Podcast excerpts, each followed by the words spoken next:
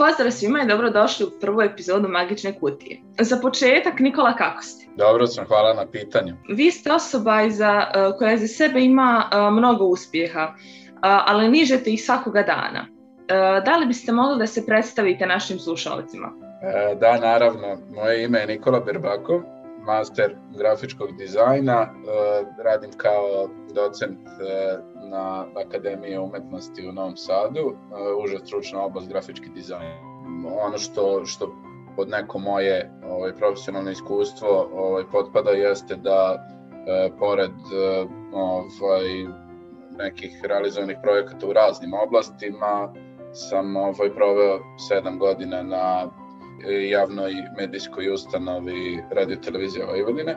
U nekom trenutku njenog ovaj, e, razvoja neke tranzicije na savremenije tehnologije.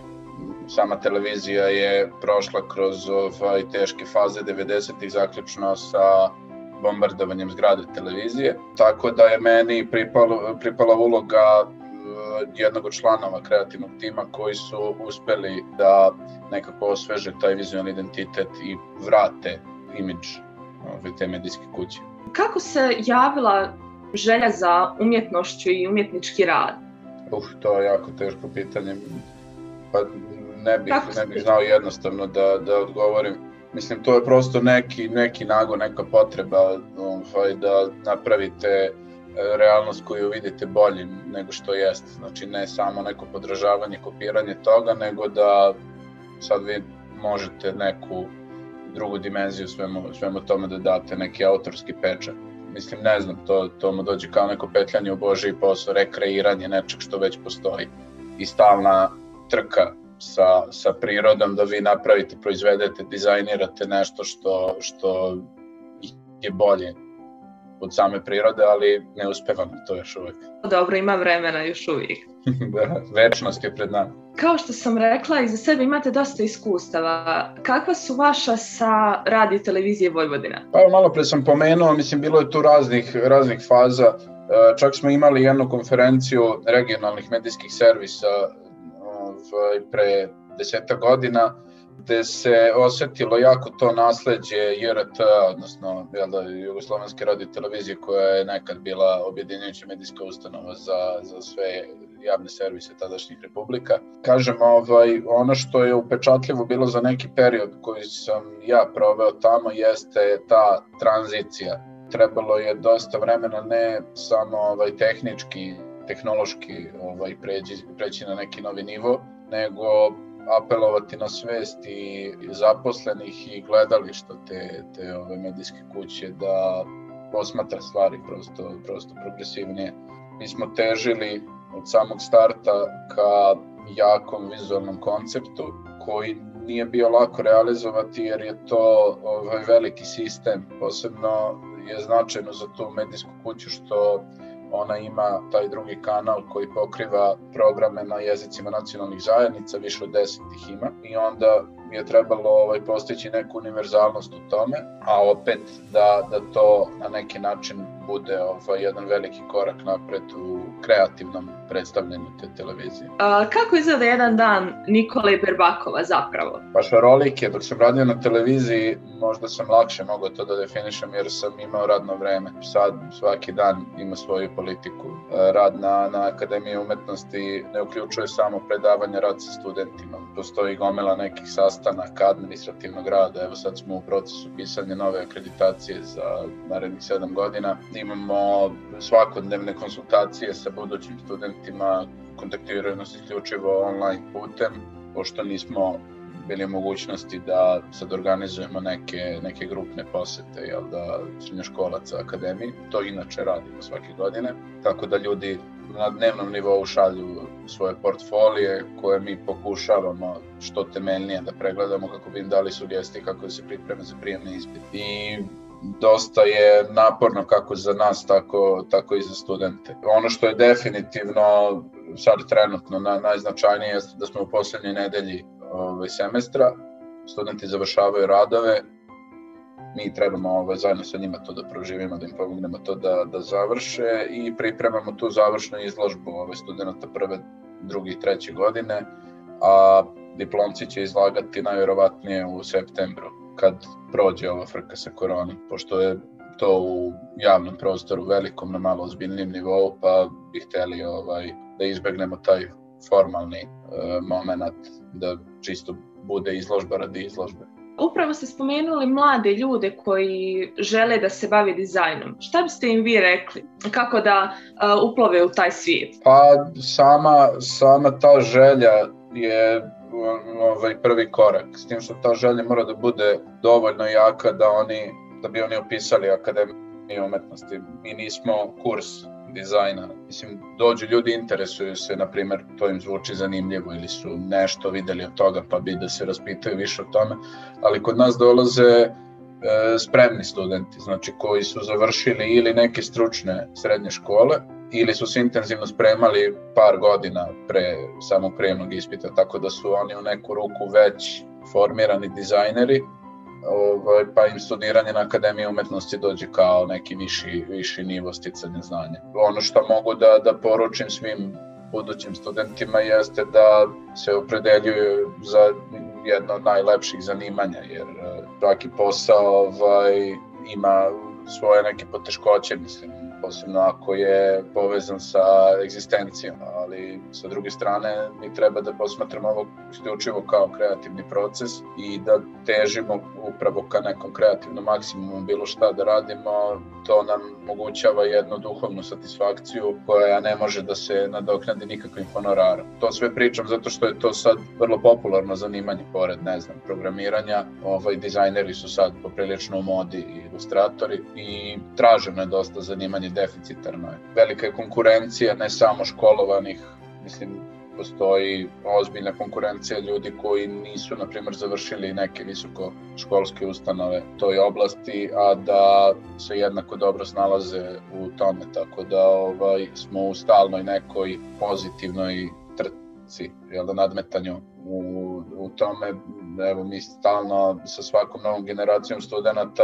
uviđamo e, koje sve promene moramo da unosimo naše studijske programe, da oni prosto dolaze sve obrazovanije u vizualnom i u nekom tehničkom smislu, za razliku, na primjer, od moje generacije koje smo možda prva generacija koja je znala da radi na, na grafičkim softverima onako nekako posle, posle moje generacije već se to nekako podrazumevalo, dok prethodne generacije su mahom ručno radile. Sad, ovaj, sadašnji klinci koji, koji se opredeljuju za ovu struku pokrivaju jako, jako veliko polje tih uh, grafičkih softvera, ne samo dvodimenzionalnih, nego i 3D-a i softvera za animaciju, što nama daje ovaj, određenu obavezu da se pozabavimo jel, da sa sadržajem ovaj, naših studijskih programa. Kada pogledamo sad nekoga koji je već uspješan, koji je osnovao nešto svoje, koji ima svoje ime već izgrađeno, svi komentarišu uh,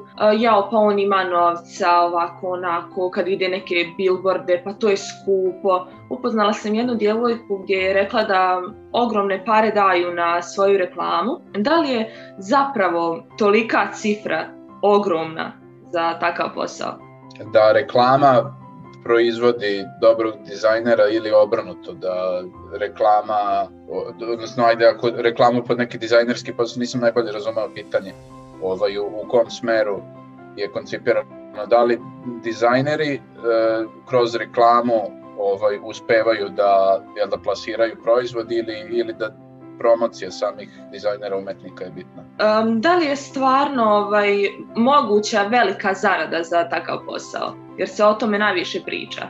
Pa jeste moguće. Ja lično ne zarađujem puno, mislim puno u nekom našem balkanskom smislu reči, ali mislim postoji dosta uspešnih agencija koji ovaj se bave produkcijom od jel da vizualnog identiteta do, do nekih i TV reklama, na primjer čuvena agencija Fabrik, agencija za, za dizajn, za advertising, koja datira još iz bivše jel, države s kraja 80. godina koji su pokrenuli Bojan Hadži Halilović i njegova supruga Dalida, inače kolege moje sa ovaj, Akademije umetnosti u Sarajevu. U Novom Sadu, ovde gde sam ja, ima nekoliko takvih agencija, mislim u Beogradu ih ima još više i prosto konkurentno je tržište postoje sad ovaj, velike firme koje pokušavaju ovde da se probiju, znači od nekih konglomerata svima poznatih pa do nekih banaka ili nekih predstavnika jela, kapitala. Tako da ako se dođe na neki, neki određeni nivo, mislim, mogu da se ostvare jel da, visoki, visoki neki honorari u tom poslu, naravno. E sad, mislim, tu je za svakog dizajnera veliko pitanje da li će biti rob svoje struke u tome da provodi po ceo dan ovaj, u poslu ili će težiti ka nekom balansu da prosto ne bi došao u tu, tu situaciju da zamrzi svoju struku ako se prosto traži isključivo ovaj, kvantitet. Jako je, jako je puno evo, i agencija i dizajnera i iz tog razloga e, se javlja velika konkurencija, mnogo veća nego što je bila pre ne znam 20, 30, 40 godina ovaj, gde su se ono, ljudi iz te oblasti znali svi međusobno i nekako se mnogo, mnogo više cenila ta struka, sad je velika konkurencija i baš iz tog razloga onda ljudi se nekako trko, mislim na, na nivou celog sveta, puno ljudi radi online za neke strane firme. Evo sad ovde ovaj, kod nas se pokrenulo to pitanje o e, zakonskom statusu freelancera. Ne potpadaju jel da samo dizajneri u tu kategoriju, ali ovaj, jako puno ljudi radi za neke strane firme i prosto stvaraju mesečne zarade ovaj, putem toga. Znači, radeći, na primjer, za, za neku američku firmu sa radnim vremenom, sve kao da, da sede u kancelariji. Jel da? Tako da, mislim, duži je bio odgovor, ali je ukratko da, znači može da se zaradi. Pa naravno za sve treba vremena tako i da se uspije. Kako gledate na dizajn koji je dizajn ranijeg perioda i kako ga vidite u budućnosti? Pa svaki dizajn ovaj, je ogledalo vremena kome živimo. Mislim, kao i tehnologija i dizajn se razvija i sad u nekom vizualnom smislu, sad mi možemo naravno reći da je uvek sadašnji u odnosu na, na jučerašnji dizajn bolji, moderniji, ajde da, da onako upotrebimo taj, taj otrcani izraz. Ali sad živimo u vremenu kad se ljudi stalno vraćaju unazad, u tom nekom periodu postmoderne ili takozvani retro, kako vole ove ljudi da ga imenuju sad. Nije to samo ni nedostatak inspiracije, prosto je citat sad onako stvar koja je dosta poželjna čak. Znači naći neki dobar citat kao što neko izvuče jel da iz nekog ovaj, filozofskog ili književnog dela, tako isto iz, iz nekog likovnog ili, ili dizajnerskog rešenja ovaj, iz neke epohe koja je obeležila period od pre, ne znam, i ne, ne tako davno. Znači, evo ovde sad imamo ovaj vraćanje u 90. koje za, za ljude mogu svašta da predstavljaju, ali nekome, na primjer, to sad inspiracija, sad taj kao neki dizajn, polu trash dizajn koji je tad bio prisutan, ovaj, sad se nekako redefiniše od današnje vremena.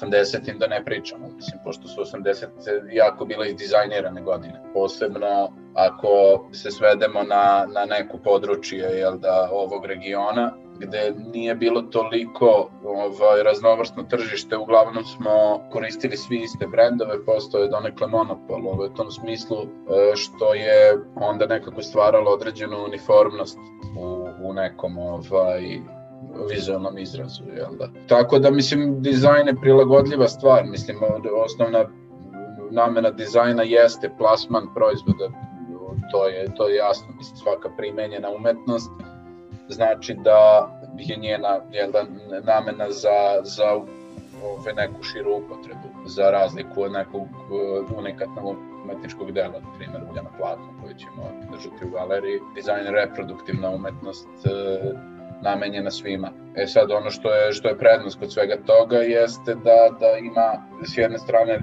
trendsetterski, s druge strane pozitivne strane edukativni uticaj na, na konzumente i na, na posmatrače, tako da ovaj, može u tom smislu da formira ovaj, svest ljudi, čitave, čitave generacije. Kako zapravo dizajn u Bosni i Hercegovini, uopšteno na Balkanu, kako živi u odnosu na druge države koje su uspješnije od nas?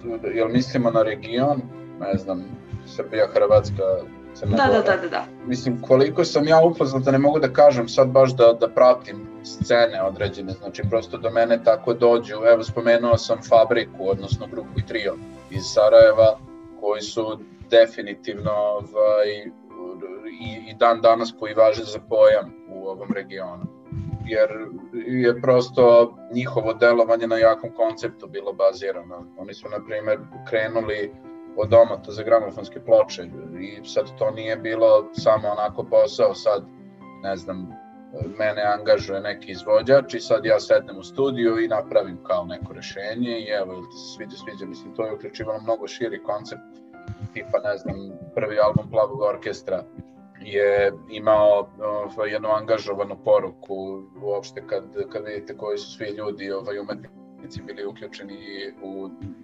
snimanje, uopšte u realizaciju ovaj, tog albuma, kako je sve to bilo koncipirano, nije, nikako ne može da se kaže da je, da je samo, samo dizajnerski postupak ovaj, u pitanju i kasnije prosto što su oni radili neke, neke angažovane stvari tokom 90. godina vezane za, za sam rad su onako poprilično bile e, inspirativne svima nama, klincima koji su 90. godina ovaj, zamišljali sebe jel da, kao, kao neki budući grafički dizajneri.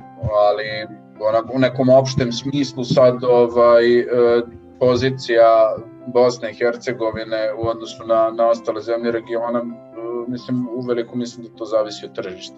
Sad, koliko je jako, jako tržište, koliko je konkurentno, zavisi od toga koliko će sad ovaj, biti proizvodnja i tog ovaj, nekog materijala oglašavajućeg jel, da, da, da bude prisutno. S njim ima, ima dobrih primera. Mi sarađujemo da ovaj, akademijom u Banja Luci, ono što odatle vidimo da, da dolazi njihovi neki studenti s vremena na vreme kod nas upisuju master, ovaj, vidim da oni imaju šta da ponude, tako da mislim da smo svi jako uvezani, mislim pogledajte samo muzičare, sad to što, što govorimo istim jezikom je veliki preduslov da se napravi jedno univerzalno tržište. Tako da ja nikad nisam razmišljao sad nešto parcijalno. Pa čak i čak ni jezik nije barijera. Evo, ja sam dok nije korona krenula svake godine vodio studente u Peštu na Design Week, imamo saradnju sa njihovom jednom akademijom iz uh, Šoprana. Mislim, vizualni jezik je taj koji nas povezuje i onda sad mi to dođemo, jeste to neki komšilog, mislim, Pešta na 3 sata od Novog Sada, ali opet, ajde, kao doživljamo kao neki drugi svet u odnosu na nas i onda odemo tamo, e, stavimo radove naše naspram njihovih i shvatimo da isto razmišljamo. Ovaj, tako je, verujem, i na tom profesionalnom nivou. Koliko je zapravo potrebno vremena za jedan projekat, ako je to ikako moguće da se opiše? Pa postoje rokovi uvek. Ja volim rokove kao dizajner. Znači ja volim da znam kad sam završio sa nekim projektom, kad više neće njime da se bavim, jer je za ljude koji kreativno razmišljaju veliki problem taj kad e, taj neki njihov ovaj, osnovni nagon, ta neka ideja iščili u nekom određenom momentu, a to se desi kad se jel da, previše ovaj, vrtimo u krug. Zavisi od, od e, ambicioznosti jel da, ovaj, samog projekta mislim, od, od, od veličine projekta, znači da li sad to uključuje samo rad u studiju ili radi na, na terenu, ne znam, snimanja, koliko ljudi, da li, da li ovaj, neki veći tim koji obuhvata različite oblasti. Mislim, ako sad vi se bavite snimanjem ovaj, nekog video sadržaja i postprodukcijom tog sadržaja, vi morate ovaj, gomelo ljudi to da angažujete samo da biste snimili jedan video, morate da, da angažujete i rasvetu, i tonce, i snimatelje, i reditelje, i montažere. E sad,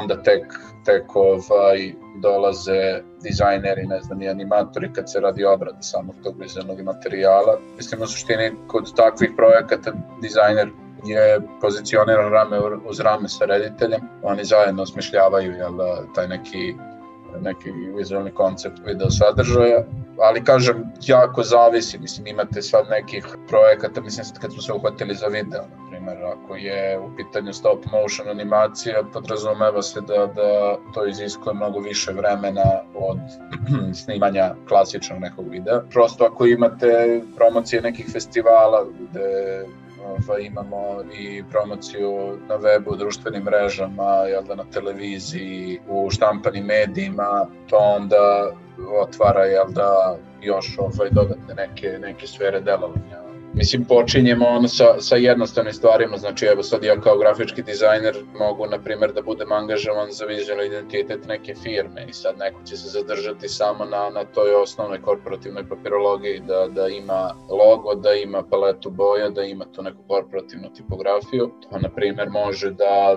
mesec dana da se spakuje, jel da, ako postoji ta neka normalna komunikacija sa, sa klijentom ovaj, ali ima naravno projekata koji se rade i više meseci, godinu dana. Imate li možda neke klijente koji su baš ostali u sjećanju? Pa, radio sam sa, sa raznim klijentima, e, mislim, ono što je meni, meni ovaj, najinteresantnije jeste baš kad se e, u domenu e, tog televizijskog dizajna ili video produkcije, ba, radio televizija Vojvodina jeste definitivno jedno veliko iskustvo za mene, ali radim i ovde sa jednom lokalnom ovaj, produkcijom Playground, Uh, sa kojom uh, s vremena na vreme radim na, na nekim dokumentarnim emisijama i dokumentarnim filmama. To su, na primer, stvari koje su meni dosta interesantne, jer ovaj, ne uključuju samo kao kod većine stvari tog tipa kad ovaj, radite za, za TV,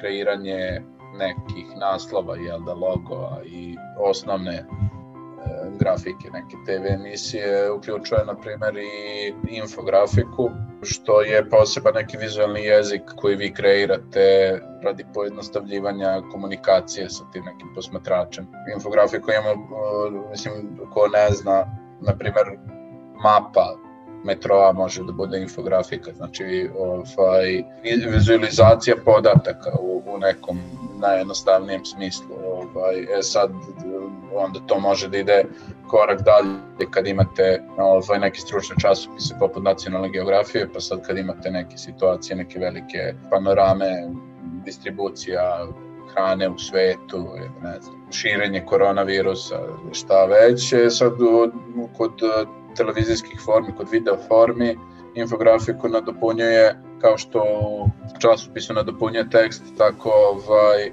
kod televizijskih emisija taj takozvani off ili jel da, čitanje tog teksta u pozadini. Onda je tu izazov grafičkog dizajnera ne da vizualizuje isto to što će neko pročitati, nego upravo da pojmovno se ne dopunjaju te dve različite forme iznošenja informacija. Nadam se da vam je bilo ugodno razgovarati sa mnom kao i našim slušalcima da je bilo drago. A, nadam se da će biti još ovakvih susreta, ali nadam se da će biti uživo.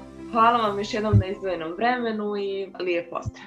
Hvala, hvala i vama. Ovaj, nadam se da će zaživeti podcast, pa eto, bit će prilike, čućemo se, videti pa na. Pozdrav svim slušalcima.